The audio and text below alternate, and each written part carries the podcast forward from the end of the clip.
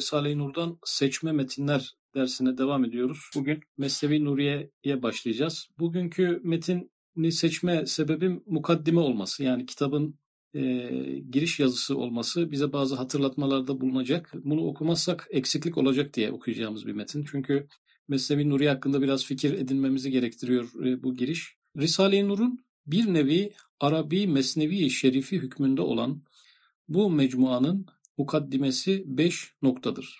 Mesnevi Şerif kelimesini görüyoruz. E, bu Mesnevi Şerif denince burada Mevlana Hazretlerinin e, Mesnevi Şerifine bir vurgu yaptı. Bu da Arabi Mesnevi Şerif. Çünkü o Farsçaydı. Bu da Arapça bir mesnevidir e, manasında oraya bir göndermeyle başlamış oldu. Beş tane giriş ifadesi kullanacak. Birinci nokta 40-50 sene evvel eski Said ziyade ulûm-u akliye ve felsefiyede hareket ettiği için hakikatül hakaike karşı ehli tarikat ve ehli hakikat gibi bir meslek aradı. Ekser ehli tarikat gibi yalnız kalben harekete kanaat edemedi çünkü aklı, fikri, hikmeti felsefiye ile bir derece yaralı idi, tedavi lazımdı. Bir eski Said'den yeni Said'e bir dönüşümün hikayesi. Önceki dönemde felsefeyle ciddi meşgul olmuş. E, burada üstadın felsefeye yüklediği pozisyonu iyi algılamak lazım. Üstadın felsefeden kastı beşer ilimleri yorumluyor. Hakikate giderken beşerin fikirlerinden faydalanmak. Yani vahyin bilgisinden değil de beşerin hakikate giden yolundan faydalanmak. Böyle bir dönüşüm geçiriyor Üstad Hazretleri. Nereye gitmek istiyor? Maksadı hakikatül hakaike gitmek. Yani evet filozoflar bir hakikate doğru gidiliyor ama hakikatlerin bir hakikati var. Oraya gitmek istiyor. Önüne çıkan ilk fırsat tabii bir tarikata girmek. Birisine kendi hayatını vakfetme gibi bir düşünce içerisindeyken bir sorusuna bir cevap geliyor. Yani tarikat demek kalple Allah'a gitmek demektir. Yani akıl akıl nurlanamaz. Bu 24. sözdeki bahisleri hatırlayacak olursak insanın üç tane temel yapısı var. Yani akıl var, kalp var ve nefs var belki yüzlerce var ama bu üç ana başlıkta toplanabilir. Bu üçü de aydınlanmalı. Yani hem e, akıl aydınlanmalı, hem kalp aydınlanmalı, hem de nefs aydınlanmalı.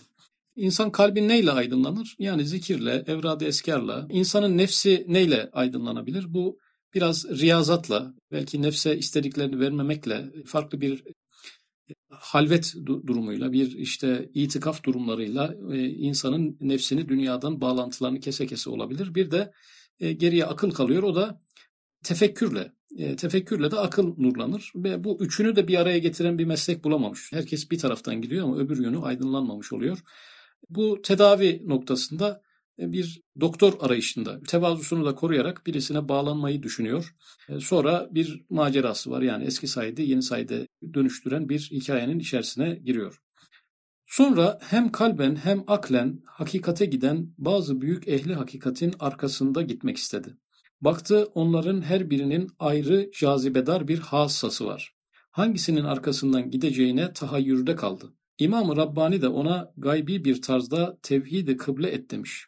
Yani yalnız bir üstadın arkasından git, o çok yaralı eski Said'in kalbine geldi ki. Tefeüllerle biraz ilerlemiş. Bunlardan birisi İmam Rabbani nin mektubatından yaptığı tefeülde hatırlarsanız o çok iç sancılı geçtiği dönemde o dönüşüm yaşayacağı dönemde ne yapacağını şaşırdığını ifade ettiği dönemde İmam Rabbani'nin mektubatından Bismillah deyip bir sayfa açmıştı. Ben ne yapacağım diye sorduğu soruya İmam Rabbani Hazretlerinin bir mektubu karşısına çıkmıştı.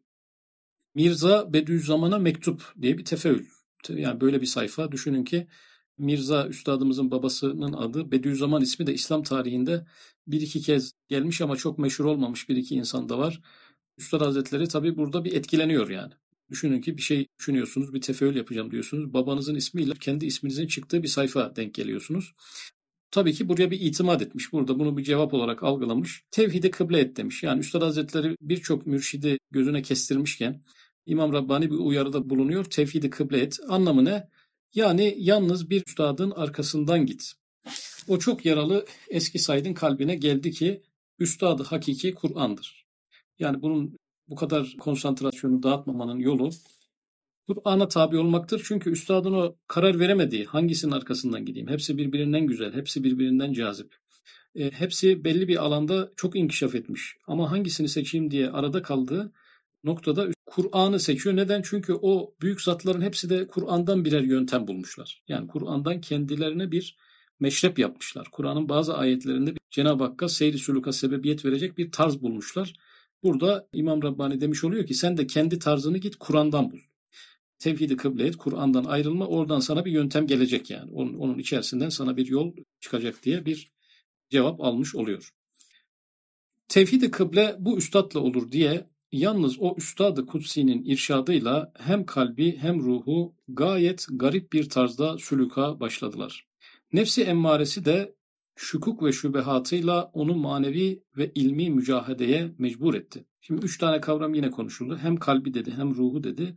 Eklenen cümlede de nefsi emmare dedi. Demek ki insanın üç yapısı seyri suluka başlamışlar ve manevi ve ilmi bir mücadeleye üstadı mecbur etmişler. Yani burada kılıç çekilecek. Nefsi emmarenin şüpheleri var, vehimleri var, kalp ve ruhun yaraları var. Bir taraftan kalp ve ruhun yaralarına merhemler sürülecek. Bir taraftan da nefsi emmarenin şüphe hücumlarına karşı bir ilmi mücahede, onun her şüphesine karşı ortaya ilmi bir delil ortaya koyma mecburiyeti söz konusu olacak. Gözü kapalı olarak değil, belki İmam Gazali radıyallahu anh, Mevlana Celaleddin radıyallahu anh ve İmam Rabbani radıyallahu anh gibi kalp, ruh, akıl gözleri açık olarak ehli istigrakın akıl gözünü kapadığı yerlerde o makamlarda gözü açık olarak gezmiş. Kendi yolunu açmalısın, kendi yöntemini bulmalısın ve o alemlerde kendi seyahatini tamamlamalısın mesajını aldıktan sonra bu mesajın gereğini yerine getirmiş. Gözü kapalı olarak değil ifadesi önemli. Gözü kapalı olan kimdir? Ehli istigrak dedi. Vahdetel vücut mesleği öncelikle onu ele almamız gerekiyor. Vahdetel vücut mesleği Allah'a seyri sülük yapmak için masivayı, Allah haricindeki bu bütün varlığı yok saymak durumunda kalmışlar. Yoktur demişler. Yokluğa mahkum etmişler. Vahdetel vücut ne demektir? Allah var, kainat yok. Bizim kainat diye gördüğümüz şeyler de aslında farklı bir şey görmüyoruz. Allah'tan başka bir şey görmüyoruz. Bu bir yokluktur, bir hayaldir. E, dolayısıyla bu gözü kapama demektir. Yani kainata gözü kapayarak Allah'la aramıza engel olmasın diye bir noktada gidiştir. Ben gözü kapalı gitmedim diyor. Yani kainatı, içindekileri, içindeki hakikatleri, varlığı, varlığın bir gerçekliği olduğunu inkar etmek durumunda kalmadım diyor. Peki nasıl oldu? Burada verdiği isimler önemli. İmam Gazali, Mevlana ve İmam Rabbani diyor. Aslında üçünü de birleştirmiş oluyor bir taraftan. Onlar kalp, ruh ve akıl gözleri açık olarak e, bir seyir sülük yapmışlar. Tabii o makamlarda gözü açık olarak gezmiş. Cenab-ı Hakk'a hadsiz şükür olsun ki Kur'an'ın dersiyle ve irşadıyla hakikate bir yol bulmuş girmiş. Hatta ve fi kulli şeyin lehu ayatun tedellu ala ennehu vahid. Her şeyde onun birliğine delil olan bir alamet vardır. Bir yol bulmuş. Yani bu yol nedir? Kur'an-ı Kerim'i kendine mürşit tuta tuta Kur'an-ı Kerim'i üstad tutmuş, onu takip ede ede bir yol, bir yöntem yalvarış ve yakarışıyla Kur'an-ı Kerim'i sürekli takip ede ede bir yöntem buluyor yani.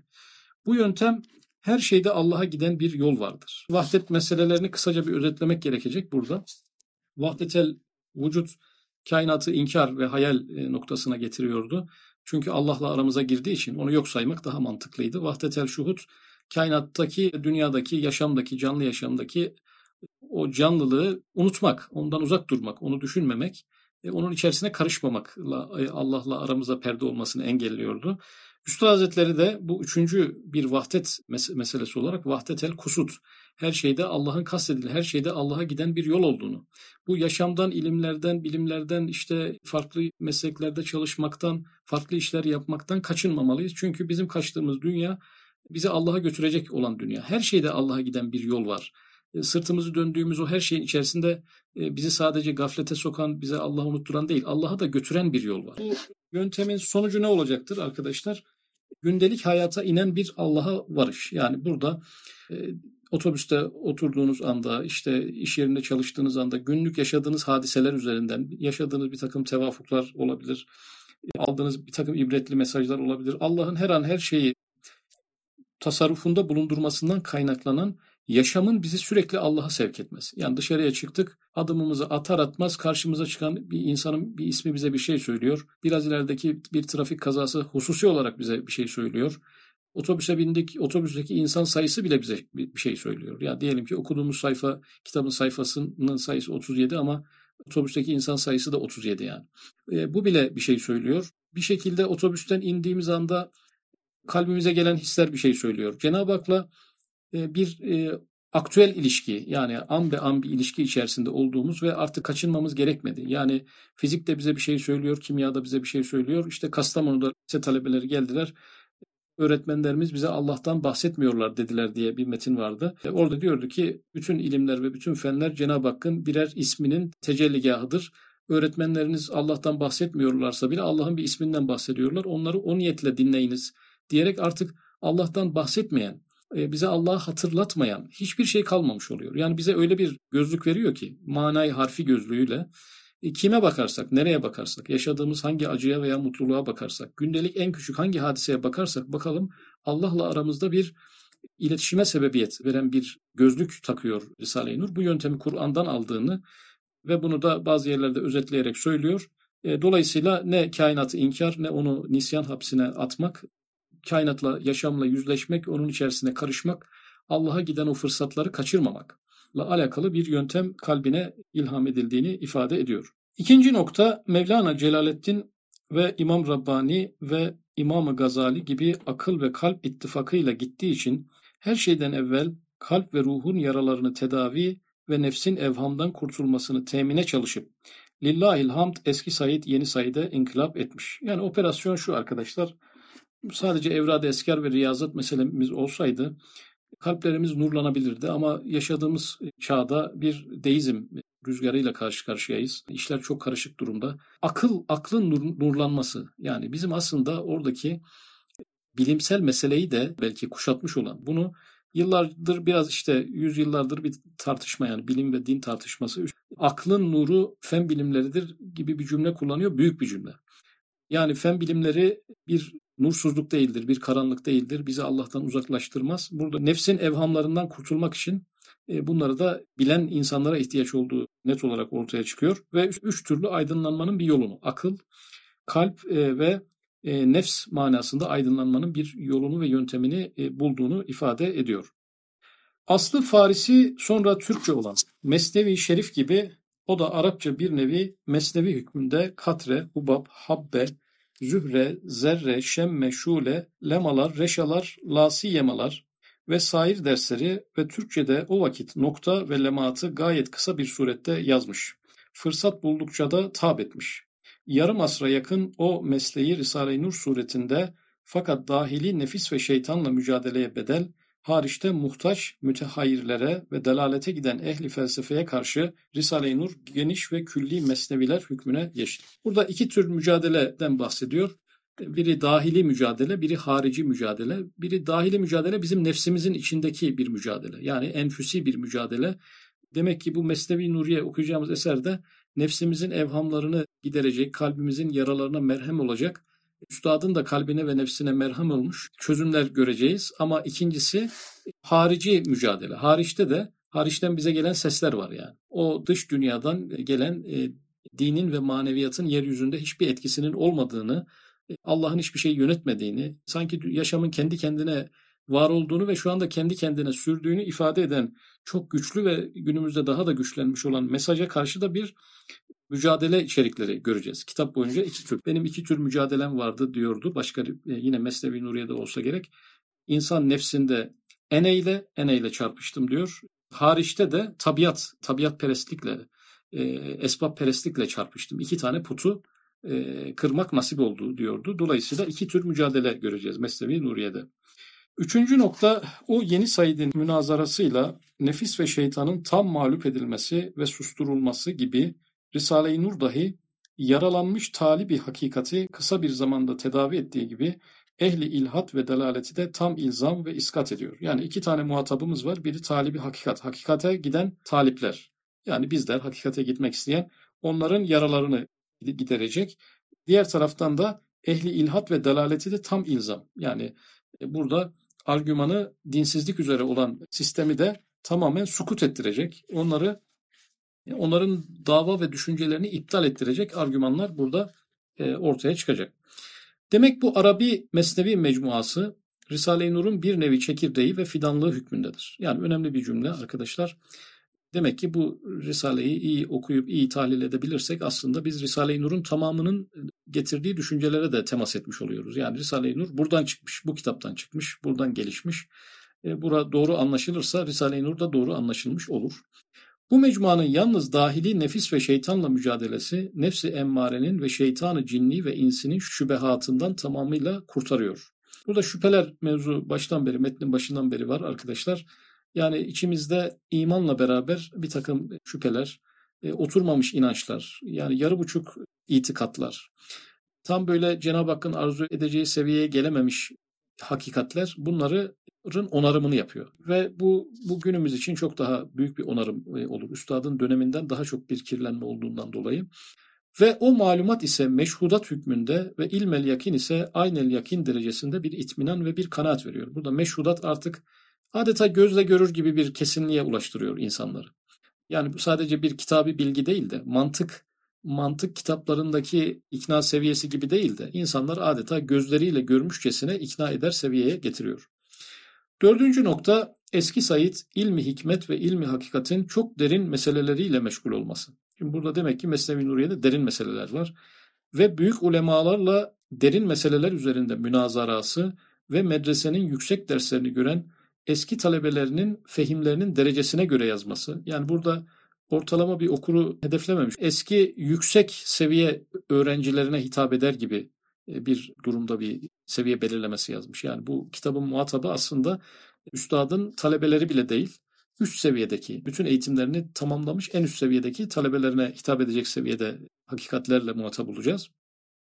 Ve eski Said'in de terakkiyatı fikriye ve kalbiyesinde yalnız kendisi anlayacak bir surette gayet kısa cümlelerle ve gayet muhtasar bir ifadeyle uzun hakikatlere kısa kelimelerle işaretler nev'inde o mecmuayı yazdığı için bir kısmını en müdakkik alimler de zorla anlayabilir. Eğer tam izah olsaydı Risale-i Nur'un mühim bir vazifesini görecekti. Yani bu çok derin metinler olduğu için büyük alimler bile her meseleyi yeterince anlayamayabilir diyor. Zaten tam anlaşılabilseydi diyor Risale-i Nur'a gerek kalmayacak kadar bir kitap olacaktı. Sadece bu kitap yetecekti. Demek o fidanlık mesnevi, turuku hafiye gibi yani hafi tarikatlar yani iç dünyadan giden, e, kalp dünyasını onararak giden tarikatlar gibi enfüsi ve dahili cihetinde çalışmış, kalp ruh içinde yol açmaya muvaffak olmuş, bahçesi olan Risale-i Nur hem enfüsi hem ekseri cihetinde turuku cehriye gibi afaki ve harici daireye bakıp marifetullah'a geniş ve her yerde yol açmış. Bu marifetullah'a geniş ve her yerde yol açmak az önce anlattığımız her yerden Allah'a giden yollar bulma yönteminin e, ifadesi her yerde geniş ve her yerde yol açmış. Adeta Musa Aleyhisselam'ın asası gibi nereye vurmuş ise su çıkarmış. Yani Mesnevi Nuriye'nin yaptığı şey sürekli asayı başka yerlere vurmak. Sürekli istediği alan yani diyelim ki yan yana geliyoruz. Önümüzde bir masa, bir kitap ve defterler var. Buradan kaderi ispatlayabilir misin? Diyelim ki bir çay bardağı var, yarısı boş, buradan haşre giden bir yol var mı? Haşir noktasında bizi ikna edecek şu bardağın ya diyelim bahçede dolaşıyoruz çiçeğin renkleri yani bu, bu renklerin farklılığından meleklerin ispatı yapılabilir mi? Hangi sahneyi getirirseniz getirin, getirin. Buradan da hangi soruyu sorarsanız sorun. Yani imanla ilgili istediğiniz malzemeyi seçin, istediğiniz soruyu sorun. Bunun cevabını ortaya çıkartabilecek derecede Asay Musa örneğini veriyor. Yani nereye vursa su çıkartabilen bir yöntem e, ortaya koyuyor Allah'ın izniyle. Hem Risale-i Nur hükema ve ulemanın mesleğinde gitmeyip, burada hükema dediğimiz İslam filozoflarını kastediyor, ulema, alimler geleneğini kastediyor. Gitmeyip Kur'an'ın bir icazı manevisiyle her şeyde bir pencere-i marifet açmış. Bir senelik işi bir saatte görür gibi Kur'an'a mahsus bir sırrı anlamıştır ki bu dehşetli zamanda hadsiz ehli inadın hücumlarına karşı mağlup olmayıp galebe etmiş. Yani burada arkadaşlar çok özel bir yöntem bulduğu için Risale-i Nur yani Kur'an'ın yöntemi tabii bu Kur'an'dan alınan bir yöntem olduğu için bunun bir delili yani bir soru gerçekten bu kadar büyük bir eser mi? Yani bunun bu kadar büyük bir olay mı? Her yerden Allah'a giden bir yöntem bulmak. Bu kadar büyük bir dönüm noktasında mıyız gerçekten? Ve bunun küçük bir delilini burada söylüyor. Böyle dehşetli bir zamanda diyor hadsiz ehli inadın yani sayısız işte düşman hucumu diyelim karşı mağlup olmayıp galip etmiş. Yani e, çok uğraşmışlar. E, yani yanına bir jandarma dikinceye kadar, evinin önüne bir jandarma dikinceye kadar e, bir bu konularda bir şey yapmasın diye elinden gelen her şeyi yapmışlar. Yani insan zehirlemek çok zor bir şey değil. O dönem için öldürmek de yani bir yok etmek noktasında çok problem değil yani. Fakat nasıl oluyor da koskoca bir bütün güçleriyle yükleniyorlar da maddi ve manevi bütün kuvvetler ellerindeyken bütün operasyonu ona yönelik yapıyorlar da e, ama bir bir şekilde bu eserler 14 cilt olarak kusursuz bir şekilde çıkabiliyor ve bunu bir delil sayıyor. Yani bu Cenab-ı Hakk'ın rahmetiyle öyle büyük bir eser ki bu bu çağda bile galebe etti, mağlup olmadı diyor. Yani engellenemedi. Çünkü Cenab-ı Hak bu eseri korumak istedi ve başkalarının da bunu yok etmesine bu manada izin vermedi. Çünkü bu bir ilaçtı. Bu asrın insanların gönüllerinin yarasını e, halledecek bir şeydi. Hiç kimse buna karşı bir engel çıkaramadı. Beşinci noktayı çok izah etmeye gerek yok. Burada sadece Üstad Hazretleri her bir ilem bir risale, bir makale, bir kitap çapında e, e, olduğunu söylediği son bir beşinci madde var. Böyle bir mukaddeme girişi yaptı.